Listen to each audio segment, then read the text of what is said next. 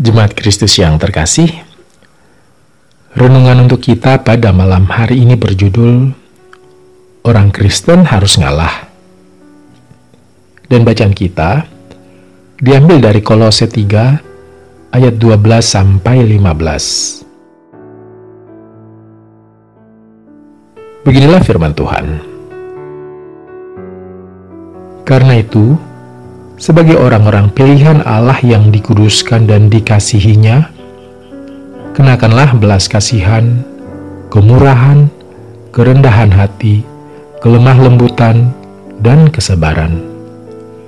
Sabarlah kamu seorang terhadap yang lain, dan ampunilah seorang akan yang lain apabila yang seorang menaruh dendam terhadap yang lain, sama seperti Tuhan telah mengampuni kamu, kamu perbuat jugalah demikian.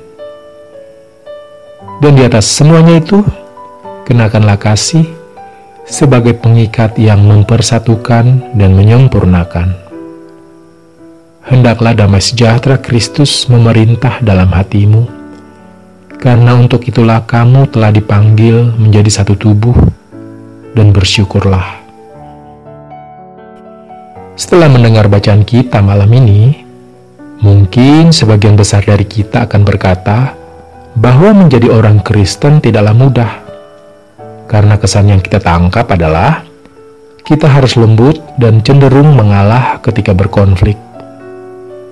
Masa sih kita harus berbelas kasih, bermurah hati serta rendah hati, juga lemah lembut dan sabar saat kita berkonflik atau berdebat?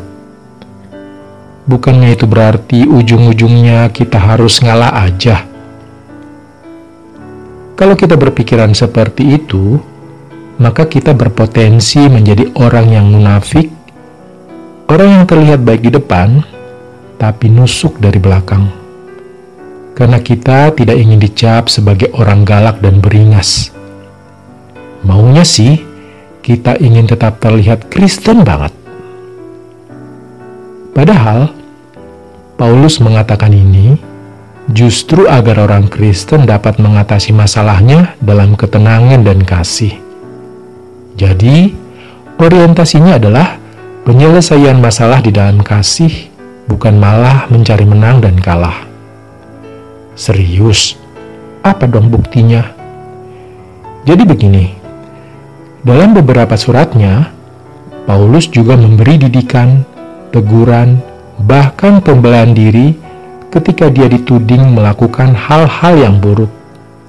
Tapi, semuanya Paulus lakukan dalam kelembutan, kasih, dan kerendahan hati. Dia tidak menjadi pongah karena statusnya. Dia justru memberi teladan sebagai rasul ketika dia sedang menghadapi pergumulan atau konflik.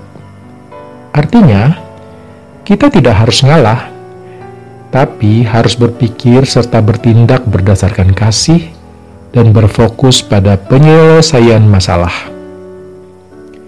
Selamat berproses menjadi orang yang penuh kasih.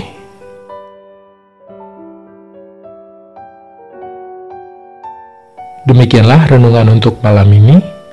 Semoga damai sejahtera dari Tuhan kita Yesus Kristus tetap memenuhi hati dan pikiran kita. Amin. Dan sekarang, marilah kita melipat tangan dan bersatu hati untuk menaikkan pokok-pokok doa yang ada dalam gerakan 221 GKI Sarwa Indah. Mari berdoa.